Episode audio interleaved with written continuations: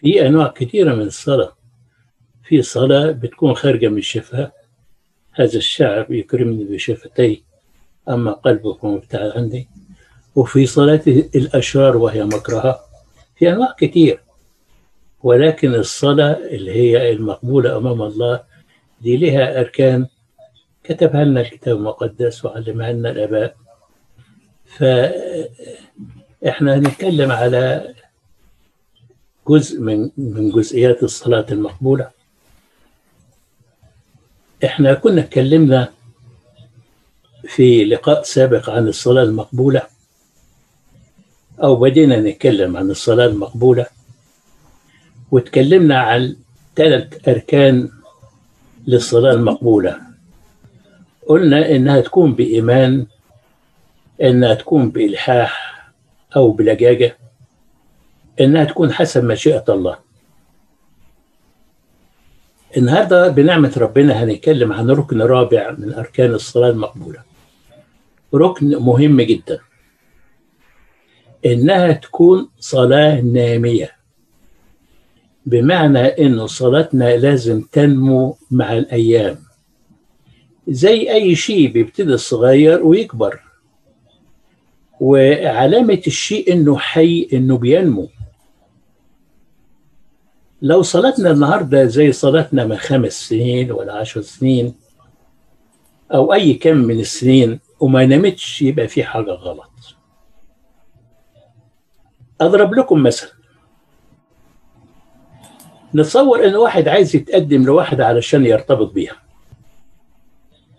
بيقول لها يا فلانة أنا بشعر بعاطفة من ناحيتك وأنا بتقدم ليكي وأمنيتي إنك تقبلي إنك تكوني شريكة حياتي. وأوعدك بإني هكون مخلص ليكي وأعمل اللي يسرك من ناحيتي.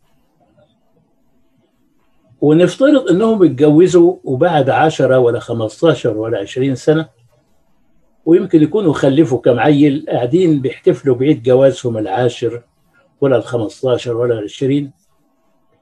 فبيقول لمراته يا فلانة أنا بشعر بعاطفة من ناحيتك. وأنا بتقدم ليكي أمنيتي إنك تقبلي إنك تكوني شريكة حياتي. وأوعدك بإني هكون مخلص ليكي وأعمل اللي يسرك من ناحيتي. هتقول الراجل جرى مخه حاجة. كان المفروض إن الراجل يقول لمراته بعد سنين من العشرة. يقول لها سنين مرت وأنا سعيد بإنك شريكة حياتي. مليتي حياتي بمحبتك وحنانك واهتمامك بيا. واحتمالك ليا وسندك ليا. أنا مش عارف أشكرك إزاي وأعبر عن محبتي ليكي نفس الكلام بينطبق على الصلاة. بعض الناس بعد كذا سنة من الصلاة لسه بيقولوا ربنا نفس الكلام اللي كانوا بيقولوه من عشرة ولا خمستاشر ولا عشرين سنة. يا رب أنا بحبك وعايز أعيش معاك من فضلك أملك على حياتي وأوعدك بإني هكون مخلص ليك وأعمل اللي يسرك من ناحيتي ثم سلسلة الطلبات المتكررة المعتادة.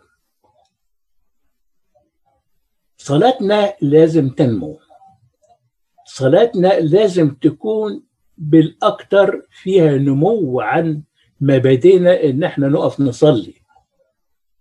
علامة الصلاة النامية إنها تكون بالأكثر تسبيح وشكر لربنا على محبته لينا وعنايته بينا وستره علينا واحتماله لينا طول السنين اللي فاتت اللي قضيناها معاه وعلى عطاياه وأفضاله الجزيلة. التسبيح والشكر هم علامة الصلاة النامية. الإنسان لما ينمو روحيا يبقى قلبه في السماء. والتسبيح هي لغة السماء هي لغة السمائيين هي لغة الملكوت زي ما شفنا في سفر الرؤيا.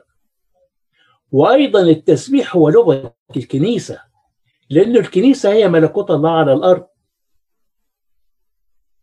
في ثلاث كلمات عبرية بتترجم بكلمة تسبيح بالعربي. في كلمة يداه ودي معناها يقدم الشكر أو يعترف بالفضل. وكلمة زمار ومعناها التغني بالمديح يعني الترنيم أو التهليل. وكلمة هلال ودي أصل كلمة هللويا وتعني مدح أو إكرام أو شكر. بالإجمال التسبيح يعني المعاني الثلاثة تقديم الشكر والإكرام والتغني بمدح من يستحق المدح والتسبيح. لذا الكنيسة في كل صلواتها بتستخدم المزامير لأن المزامير هي سيمفونية للتسبيح. بتصل لذروتها بالمزمور الأخير سبح الله في جميع قدسيه سبحوه في جلة قوته سبحوه على مقدرته سبحوه ككسرة عظمته. كل نسمة فلتسبح اسم الرب إلهنا. المزمور ده المزمور الأخير مكون من ست آيات. في الست آيات بيستخدم كلمة تلت كلمة تسبيح 13 مرة. الكنيسة بتسبح بهذا المزمور في ذروة القداس الإلهي. في وقت الشركة مع الله بالتناول من جسده ودمه الأقدسين. يعني التسبيح هو الصلاة اللائقة بأبناء الله الواقفين في حضرة الله. والطلبات بتبقى ورا خالص. أقصد الطلبات الروحية الطلبات المادية أو الجسدانية. ما بتشغلش أولاد ربنا لأنها زي ما قال لنا السيد المسيح تزاد لكم. من علامات الصلاة النامية الصلاة النامية ليها علامات. من علامات الصلاة النامية إنها بتكون صلاة دائمة. صحيح في أوقات محددة للصلاة ولكن قلب الإنسان بيكون في كل وقت مشغول بربنا. زمان أيام الفيضان كانت المية بتجري في الترع ولما يجي الفيضان المية تعلى في الترع وتصيد وتغطي الأرض حواليها ترويها وتخصبها. نفس الموضوع في الصلاة. في ناس متعودين يصلوا الصبح ويصلوا بالليل قبل ما يناموا كويس. لكن لما ينمو الإنسان في حياته الروحية صلاته بتفيض وتغطي يومه كله فتروي حياته وتخصبها. الإنسان اللي صلاته نامية بينتهز كل فرصة ويرفع فيها قلبه لربنا بالتسبيح والشكر ولو للحظات لأنه بيشوف إيد ربنا ويحس بنعيته في كل شيء في كل لحظة من لحظات حياته. في مرة كنت حاضر إكليل في إحدى الكنائس في القاهرة. وكان بيصلي الإكليل أبونا القديس القمص نخيل إبراهيم وأبونا يوحنا جرجس شريكه في الخدمة. بعد الإكليل أخذتهم أوصلهم وإحنا في العربية. وكان أبونا يوحنا قاعد في الكرسي اللي جنبي وأبونا مخيل في الكرسي اللي ورا. فأنا بسأل أبونا يوحنا عن موضوع يخص الكنيسة قال لي أنا مش واخد بالي. إيه رأيك يا أبونا مخيل؟ أبونا مخيل ما ردش. وأبونا يوحنا سكت ما كررش السؤال. عرفت إن أبونا مخيل كان منشغل بي بيصلي. ما سمعش كلامنا مش موجود معانا. هو في ملكوت تاني. الإنسان النامي في صلاته بينتهز كل فرصة ويرفع فيها قلبه لربنا. في العربية بيصلي وهو ماشي بيصلي وهو طالع السلم بيصلي وهو نازل السلم بيصلي. من علامات الصلاة إنها صلاة ممتازة. ممتدة. صحيح في وقفات للصلاة في أوقات معينة لكن القلب المليان. بحب ربنا لا يتوقف عن التسبيح والشكر في كل وقت. ومن علامات الصلاة النامية إنها بتخرج من دائرة الأنا لتشمل الآخرين. الصلاة من أجل الآخرين والصلاة مع الآخرين. اولا الصلاة من أجل الآخرين. من أجل اللي طلبوا مننا أن إحنا نذكرهم في صلاتنا وأيضا الذين لم يطلبوا. الصلاة من أجل المرضى أن ربنا يفتقدهم في مرضهم. ومن أجل الحزانة والمتألمين واللي عندهم متاعب أو مشاكل. والصلاة بالذات من أجل اللي بيسيئوا لينا واللي بيضايقونا واللي بيظلمونا واللي بيضطهدونا واللي يفتروا علينا. نصلي إن ربنا يباركهم مش يعاقبهم. صدقوني لو الإنسان لو شعر إنه متضايق من حد وقاعد يصلي من أجله يلاقي إنه شوية بشوية المضايقة دي بتروح ولا أبالغ لما أقول إنه يبتدي يحبه. أيضا الصلاة من أجل المنتقلين في شركة عميقة بتربط الكنيسة المجاهدة إحنا يعني بالكنيسة المنتصرة إخواتنا اللي سبقونا للسماء إحنا بنذكرهم في كل صلواتنا وهم بيصلوا من أجلنا وبيتشفعوا عنا. تاني حاجة الصلاة مع الآخرين. في صلاة مع الآخرين معروفة في القداسات والاجتماعات الروحية. أو حتى لما نتفق إن إحنا نشترك في الصلاة في بيوتنا في وقت محدد. وفي الصلاة مع السمائيين. أو التسبيح مع السمائيين. أبونا بيصلي بينا في القداس الإلهي بيقول أنت هو الذي يقف حولك الشروبيم الممتلئون أعينا والسرافيم ذوي الستة الأجنحة يسبحون دائما بغير سكوت قائلين. الشماس هنا ينبه الشعب ويقول ننصت كلمة ننصت هنا من أقوى وأفعل كلمات القداس.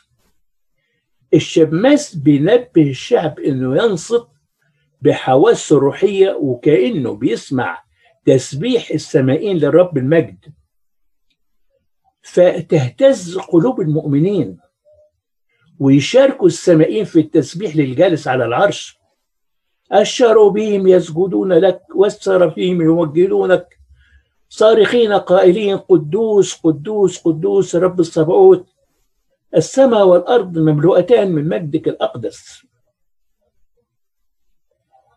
أقول لإخواتي الشمامسة وأرجو أنهم يحتملوني اللي بيهمله كلمة ننصت وما بيقولوهاش دي فيه إخلال بروحانية طقس القداس اللي الكنيسة عاملاه اللي وضعه الآباء لأن كل كلمة فيه وضعت بحكمة ولحكمة. لأن الموضوع ما هوش مجرد ترديد كلام لكن بفهم وإحساس روحي. أيضا في التسبيح في صلاتنا الفردية. بنخرج من مجرد ترديد الكلام. ليه؟ إحنا بنشعر بإن إحنا بنشترك مع السامعين في التسبيح. من أول ما نبتدي نصلي ونقول المجد للآب والابن والروح القدس الان وكل أوان وإلى دهر الدور آمين. وفي تسبيحة الملائكة فلنسبح مع الملائكة قائلين المجد لله في الأعالي وعلى أرض السلام وفي الناس المسرة نسبحك نباركك نختمك. نسجد ليك نعترف ليك ننطق بمجدك. تسبيح مع السمائيين والثلاث تقديسات قدوس قدوس قدوس رب الصباوت السماء والأرض مملوءتان من مجدك وكرامتك. تسبيح مع السمائيين. علامة الصلاة النامية إن الإنسان مش مجرد بيردد يرددها لكنه يعيش من خلالها مشاركة السامعين في تسبيحهم لرب المجد. في صلاة تانية مع الآخرين. تعتبر من العلامات الهامة على الصلاة النامية وهي التسبيح مع الطبيعة. مع البحر والأنهار والجبال والشمس والقمر والنجوم كل ما في الطبيعة. هي البحار والأنهار والجبال والنجوم وغيرها بتسبح الله. طبعا كل المخلوقات بتسبح الله. في المزمور ال 148 بيقول سبحوا الرب يا جميع الملائكة. سبحي أيتها الشمس والقمر. سبحيه يا سائر نجوم السماء. سبحي أيتها الأمطار. سبحي أيتها السحب والرياح. سبحي أيتها الجبال وجميع الأكام. سبحي أيتها البحار والأنهار. سبحيه يا جميع طيور السماء. وهكذا في المزمور جميع المخلوقات في السماء وعلى الأرض بتسبح الرب في الهوس الثالث من تسبيحة نص الليل الكنيسة بتشترك مع كل الخليقة في تسبيح الرب. بتقول التسبيحة باركوا الرب يا جميع أعمال الرب. سبحوه وزدوه علوا. وتفضل تعدد تسبحها جميع المخلوقات في السماء وعلى الأرض زي ما ورد في المزمور وتسبح معاهم. البحر بيسبح الله. سبح الله بأنه انشق أمام شعب الله للعبور إلى أرض المعاد. الشجرة طرحها موسى في الماء المر فصار عذب والشجرة اشتعلت فيها النار ولم تحترق. عشان تدينا رمز نبوي على أم النور اللي حملت جمر اللاهوتية وهي عذراء ببكورية. الصخرة أخرجت ماء ليشرب بني إسرائيل. الجبل دخن وارتجف من أجل أن الرب نزل عليه ليكلم موسى. السحاب والنار بيقول الكتاب أنه ربنا كان يسير أمام بني إسرائيل نهارا في عمود سحاب ليهديهم إلى الطريق وليلا في عمود نار ليضيء لهم. المطر امتنع لثلاث سنين ونص لما ايليا صلى وعاد وسقط لما ايليا صلى أيضا. من علامات الصلاة النامية إنها بتشارك جميع المخلوقات في التسبيح. يعني مثلا لما نشوف شجرة نتصور إنه أغصانها زي إيدين مرفوعة للسماء. فنرفع قلوبنا بالتسبيح. لما نشوف جبل مرتفع نتصور القلب القلب المرتفع بالصلاة فنرفع قلوبنا بالتسبيح. نشوف نهر. نفتكر رب المجد وهو بيتعمد بالتضاع في نهر الأردن. والأب بيتكلم من السماء والروح القدس حالل. فنرفع قلوبنا بالتسبيح. ده لما نسمع صوصات العصافير لما عند طلوع الفجر. العصافير كده نسمعها على الشجر قبل طلوع الفجر بقليل عمالة تصوصو كلها كأنها كورال أو خرس. فنتصورها إنها بتشكر ربنا على اليوم الجديد. فنشارك بالتسبيح والشكر لربنا على اليوم الجديد. والعصافير آخر النهار لما بترجع لعشاشها بتصوصو برضه بصوت واحد نتصور إنها بتشكر ربنا إنه جاز عليها اليوم بسلام. ونسبح الرب ونبارك ونشكره لأنه أجاز علينا اليوم بسلام. نبص للشمس والقمر والنجوم فنجد أن السماوات تتحدث بمجد الله. والفلك يخبر بعمل يديه. أو الفلك يخبر بعمل يديه. ترتفع قلوبنا بالتسبيح لخالق السماوات والأرض. وهكذا. تصوروا تبقى حياتنا شكلها إيه؟ كلها تسبيح كلها شكر. هي دي الصلاة النامية. صدقوني إنه الإنسان المحمل بهذا الاهتمام ما يكونش عنده وقت للخوف ولا القلق ولا الهم ولا حتى الكورونا ولا اكتئاب حبسة البيت قلبه هيكون دايما مشغول وفرحان بربنا. وأيضا من علامات الصلاة النامية إنها تكون بفهم وخصوصا في ممارستنا للطقس. للأسف البعض فاهم الطقس غلط.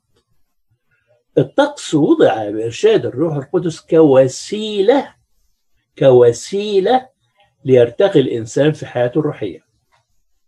لكن البعض بيستعمل الطقس كهدف. هنا الخطوره لأنه الطقس وضع من أجل الإنسان وليس الإنسان من أجل الطقس. لأنه الطقس وإن كان وسيلة روحية رائعة ولكن إنه استخدم بعدم فهم كهدف في حد ذاته ممكن الإنسان يسقط في الجمود والتحجر الروحي. مثلا ساعات وإحنا بنصلي صلاة السواعي الأكبية قبل القداس.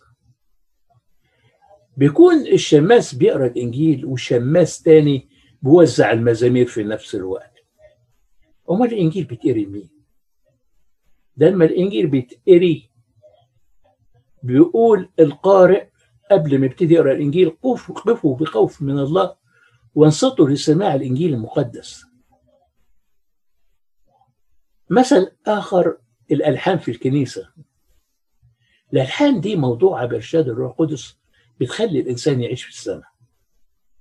لكن السؤال هل بنصليها ولا مجرد بنرددها أو بنسمعها؟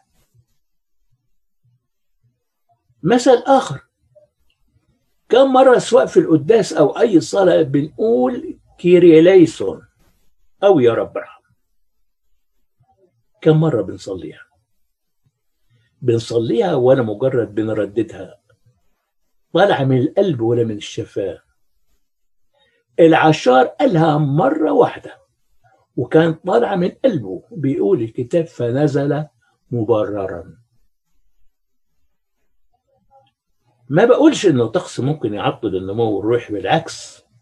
الطقس وضعه الاباء بارشاد من الروح القدس كوسيلة أو وسيط من وسائط النعمة للارتقاء الروحي. والآباء اللي مارسوا الطقس بهذا الفهم حلقوا عاليا في حياتهم الروحية. أشبه لكم الطقس بمدرج الطيران في المطار أو الرنوي.